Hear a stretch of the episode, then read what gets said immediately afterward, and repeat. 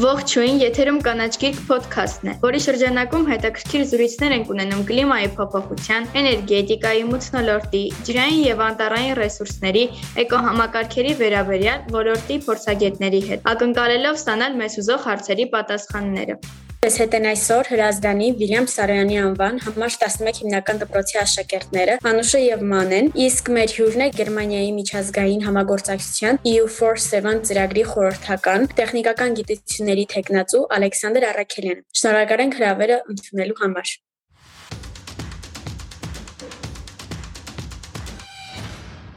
Հայաստանի ջրային ռեսուրսներն ինչ վտանգի առջև են կանգնած հիմա եւ ինչ կանխատեսումներ կան գալիք 10-ից 20 տարիների համար։ Բոլորս է գիտենք, որ երկիր մոլորակը տականում է գնալով ջերմաստիճանը միջին բարձրանում է երկիր մոլորակի շատ երկրներում, այդ թվում նաև Հայաստանում, ասեմ ավելին Հայաստանում բավականին այդ տեմպերը արագ են եւ Հայաստանը երկրների շարքում է, որտեղ որ կլիմայական փոփոխությունները հենց ջերմաստիճանային առումով շատ արտահայտված են եւ դա նաեւ բերում է բնականաբար գոլորշացման process-ների ակտիվացման, այսինքն մեր մոտ գնալով փոցելի են դառնում ջրային ռեսուրսները կլիմայի փոփոխությունից։ Նաեւ նկատվում է որոշ չափով մտնոլորտային տեղումների նվազում, այսինքն մուտքի բաղադրիչը ջրային ռեսուրսների եւս նվազում է։ Այսինքն մենք բնական նույն բնական տենդենսների տեսակետից ավելի խոցելի ջրային ռեսուրսներ ունենք ներկայումս եւ ըստ կանխատեսումների եւս այդ տենդենսները շարունակվելու են, այսինքն երկիր մոլորակը շարունակելու է տաքանալ, դու նաև Հայաստանը տեղումները գնալով քչանալու են, նվազելու են, ինչպես նաև գոլորշացում բնականաբար ավելանալու է ջրային օբյեկտներից։ Այսինքն մեր ջրերը դառնալու են ավելի խոցելի, միայն եթե խոսենք նույնիսկ բնական, հա, տենդենսներից։ Նաև եթե տնտեսական աճի տեսակետից ենք նայում, ջրօգտագործումը եւս աճում է եւ աճելու տենդենսներ ունենալու, եթե մենք շարունակենք, հա, նույն տեմպերով, նույն վարվելա կերպով օգտագործել մեր ջրային ռեսուրսները։ Այսինքն, եթե ճանաչենք ավելի ջրախնայող տեխնոլոգիաներ, ավելի արդյունավետ չբաշխենք ջուրը, կրկն օգտագործումը չխրախուսենք ջրի, դա նշանակում է, որ այստեղ կա անխուսափելի փաստ, որը որ երկրի մոլորակի տակածումն է, ну դրա վրա շատ քիչ ազդեցություն մենք կարող ենք ունենալ։ Իհարկե ջերմոցային գազերի կրճատումը կարող է դանդաղեցնել process-ը, բայց դա գլոբալ process է եւ միայն մեզանից չի կախված, իսկ արդեն մարդացին, հա, գործոնից, գործոններից եթե խոսենք, մենք պետք է ավելի արդյունավետ եւ խոհեմ օգտագործենք մեր ջրային ռեսուրսները, հասկանալով այդ բոլոր մարտահրավերները։ հաշվարկ մոտակա ժամանակահատվածում, եթե մինչև 2040 թվական օրինակ վերցնենք, ըստ հաշվարկների միջինում 20%-ով կկրճատվեն մեր ջրային պաշարները, դա բավականին մեծ թիվ է եւ դրան պետք է պատրաստվել եւ գոնե այն մասով, որ այն մասով, որ իրավի կարող է ազդեցություն ունենալ, ավելի արդյունավետ լինել։ Շատ շնորհակալություն հետաքրքիր պատասխանի համար։ Իսկ ինչպիսի վտանգ է իրենից ներկայացնում Սևանալեջի մակարդակի բարձրացումն ու նվազումը։ Սևանալիճը բավականին բարդ կենթանի օրգանիզմ է կարելի ասել։ Ցանկացած տատանումները դրա էկոհամակարգում շղթայական ռեակցիա են առաջացնում, այսինքն մի ցուցանիշի փոփոխությունը բնականաբար ազդում է մնացած երևույթների եւ ցուցանիշների վրա։ Մակարդակի բարձրացում, եթե դիտարկենք բարձրացման սցենարը, դա իհարկե բնականաբար կդիտվի որպես ավելի դրական երևույթ, քանի որ Սևանալիճը ներկայումս իր բնական մակարդակից մոտ 15-16 մետրով ավելի ցածր է ցուցանիշից, որը եղել է մինչև 1930-ականները։ Այսինքն մենք հիմա ունենք լճի նվամակարդակի նվազման հետ կապված տարբեր բացասական երևույթներ իջում, հա, այսինքն դրանք արդեն այդ կենսացին տարերի, հա, վնասակար նյութերի կոնցենտրացիաների ավելի բարձր ցուցանիշներն են, զուտ այն պատճառով, որ ջուրը ավելի քիչ է։ Բայց իհարկե դրան եւս պետք է պատրաստվել, այսինքն եթե մենք ցանկանում ենք բարձրացնել լճի մակարդակը, մենք պետք է հասկանանք, որ դա ունենալու է որոշակի հետևանքներ, այսինքն ապրումներ տարածքները եթե ջրածածկվելու են, մենք պետք է մաքրենք այդ տարածքները մինչև բարձրացումը, որպեսզի ավելի շատ կենսացինից օրգանական զանգված մուտք չգործի լիճ եւ չբարձրացնի դրա էկոլոգիական խնդիրները։ Սա իհարկե կառավարման տեսակետից շատ լուրջ խնդիր է եւ դրա մասին անդադ խոսվում է։ Ինչ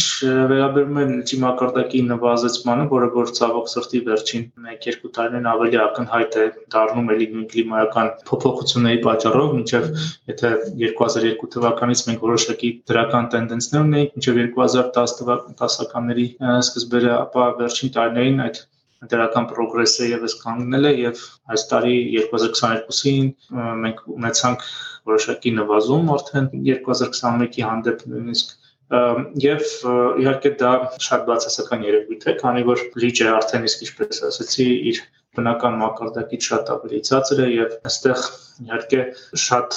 դա բարթացնում է այն բնական process-ները, որոնք որ պետք է տեղի ունենան լճում ցկների համար եւ լճի կենսաբազմազանության համար նպաստավոր պայմաններ ստեղծելու տեսակետից եւս օրինակ հիմա մենք ճունենք լճի սառը շերտը, որը կոչվում է հիպոլիմնիոն, որտեղ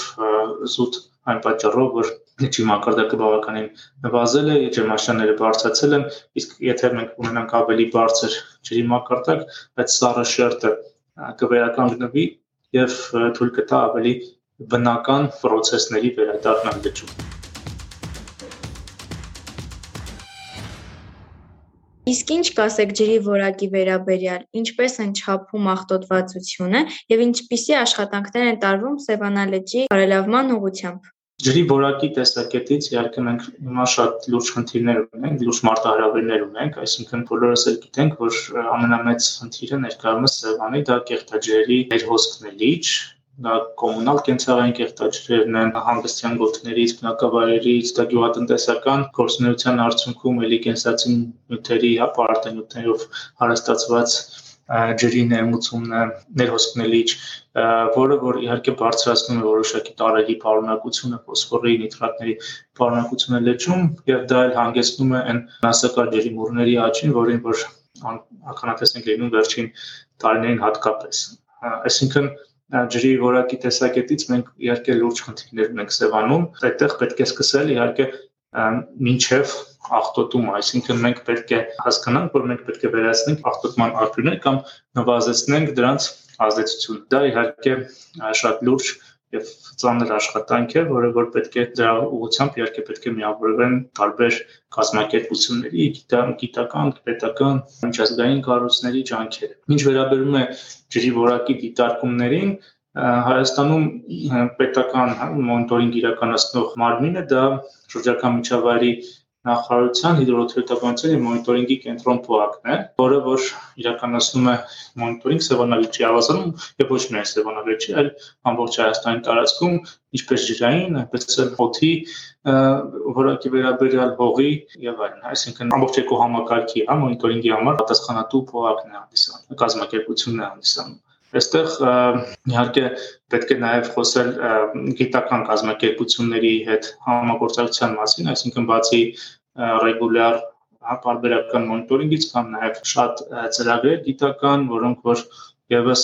ուսումնասիրություններ են կատարում եւ լճում եւ լճի ավազանում եւ այդ ուսումնասիրությունների շնորհիվ հնարավորություն կա եւս նոր տեղեկատվություն հայթայթել ծրանալիչում տեղ ունեցող process-ների վերաբերյալ եւ ավելի լավ կառավարել դրանք։ Այսինքն մենք այստեղ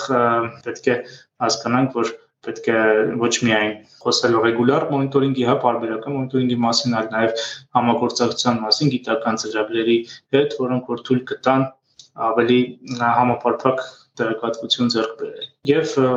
ես ուզում եմ նաև նշել, որ Սևանի ուղությամբ հիմա գործում է EU for Sevan ծրագիրը, Սևանալիչի շրջակա միջավայրի պահպանություն ծրագիրը, որը որ ֆինանսավորվում է Եվրամիության եւ Գերմանիայի կառավարության կողմից եւ Հայաստանում իրականացվում է Գերմանիայի միջազգային համագործակցության ընկերության եւ ՄԱԿ-ի զարգացման ծրագրի կողմից եւ առաջին կոմպոնենտով ծրագրի հենց Սևանալիչի ավազանում մոնիտորինգի ցանցի բարելավումն եւ տվյալների կառավարման կարողությունների բարելավումը եւ այդ ուղղությամբ մա ակտիվ աշխատանքներ են տարվում հույս ունենալով, որ մոտ ապագայում շատ ավելի լավ եւ ավելի համապարփակ տեղեկատվություն կունենանք Սևանա լճի էկոհամակարգի վիճակի վերաբերյալ։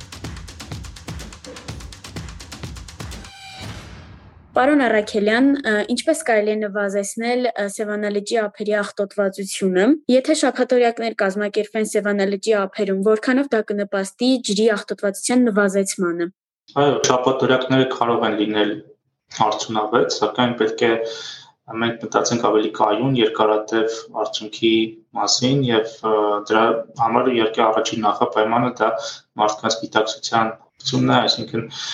ավելի էկոկրթության ուղղությամբ մենք ավելի շատ աշխատանքներ պետք է տանենք, որպեսզի մարդիկ հասկանան, որ նախ միջև մաքրելը պետք է կանխարգել ենք, հա, ավելի հեշտ է կանխարգել, քան հետո բարբերաբար մաքրել ապերը, այսինքն եթե զուտ բնակիչների մոտ, տուրիստների մոտ գիտակցություն լինի, որ մենք պետք է չախտոտենք ապերը, հա, դա արդեն իսկ կնվազեցնի, հա, այն աշխատանքների ծավալը, որը որ մենք կարող ենք իրականացնել նաև շաբաթօրյակների միջոցով ռեսուրսներ դնել մաքրելու վրա ապերը։ Սակայն այստեղ կա նաև այլ խնդիր, որ աղբանության համար եւս ենթակառուցվածքը պետք է զարգանա եւ միայն այդ դեպքում մարդիկ երբ գիտեն որտեղ որ պետք է աղբը թափեն եւ այդ աղբը ճիշտ ձևով տեղափոխվի սանիտարական աղբավայրեր, այդ դեպքում մենք կունենանք այդ կենցաղային հակոշտապոններով աղտոտման խնդրի որոշակի լուծում։ Ներկայումս այդպիսի ծրագրեր կան եւ Կոտայքի ու Գեհարգունիքի մարզի համար մարզերի համար կառուցվում է սանիտարական աղբավայր Հրազդան քաղաքում, որը որ նաեւ կսպասարկի բնականաբար Սևանի ափամերձ տարածքները եւ հուսանք դրանով իսկ խնդիրը փոքր ինչ կմեղմանա։ Կլիմայի փոփոխության պայմաններում Սևանա լճի քանակական եւ որակական փոփոխությունները ինչպես են ազդում կենթանական աշխարհի վրա։ Այո, ինչպես նշեցի, Սևանա լճի ավազանում եւ բոլոր ջրային էկոհամակարգերում բոլոր process-ները փոխկապակցված են եւ մի էլեմենտի փոփոխությունը, մի փոփոխականի փոփոխությունը չի կարող չազդել մյուս տարերի վրա եւ այստեղ ջերմաստիճանի բարձրացման Պարագայում, ինչպես նշվեց, արդեն մասնակա ջրիմուռների աճի ակտիվացումը աճը ավելի ակտիվանում է եւ դրա համար ավելի ստեղծվում են նպաստավոր պայմաններ, գումարելով նաեւ կեղտաջերի միջոց միջոցով մուտք գործող կենսացին նյութերը։ Այսինքն այստեղ ավելի նպաստավոր պայմաններ է ստեղծվում հենց դասակար ջրիմուռների աճի համար, որոնք որ եւս կարող են վտանգել եւ վտանգում են ձկների, ձկնատեսակների վերարտադրությանը եւ իհարկե կարող են կրճատել ձկնապաշարը սեփականատվի տարածքում։ Մյուս կարևոր գործոնը իհարկե ապօրինի ձկնորսությունն է, որը որ կապված է կլիմայի փոխության հետ, սակայն եւս իհարկե ավելի շատ են միգուցե վտանգում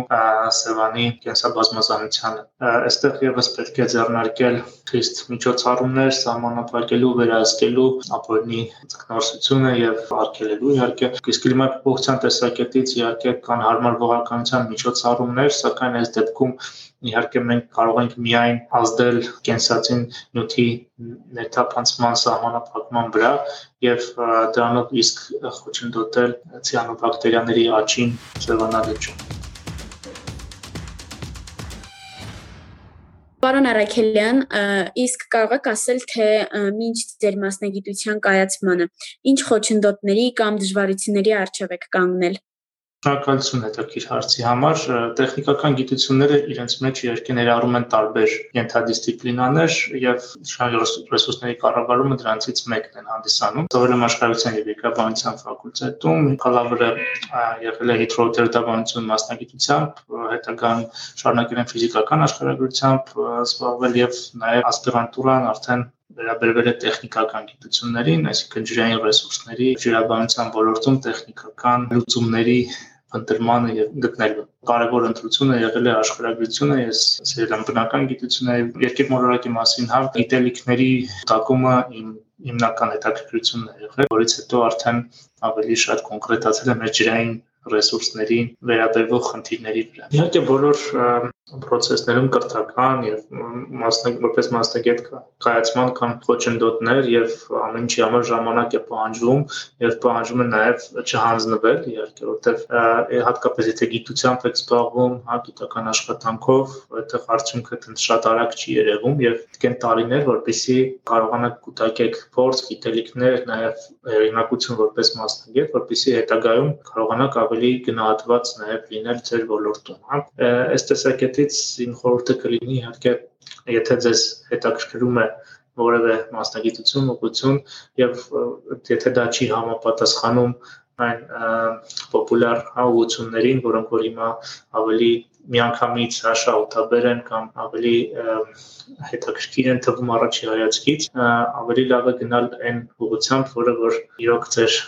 սրտի ճանապարհն է, ձեզ իրոք հետաքրքրում է, չսպասել արագ արդյունքների, սակայն աշխատել եւ հաստատ այդ աշխատանքը կբերի ցանկալի արդյունքի։ Պարոն Ալեքսանդր Արաքելյան, նորից շնորհակալ ենք հետաքրքիր զրույցի համար։ Համոզված ենք, որ ոչ միայն մենք, այլ նաև ունկնդիրները շատ նոր բաներ բացահայտեցին այս հաղորդման շրջանակում։ Շնորհակալ եմ հետաքրքիր հարցերի համար եւ հաջողություն եմ մաղթում ձեր հետագա ուսման եւ նաև հետագայում աշխատանքի մեջ։ Իսկ մենք հիշեցնենք, որ եթերում կանաչ գիրք ոդքասթներ, մենք հասանելի ենք գրեթե բոլոր հարթակներում, այնպես որ բաժանորդագրվեք ոդքասթին նոր հաղորդումները բաց չթողնելու համար։ Իսկ մենք կհանդիպենք շատ շուտով։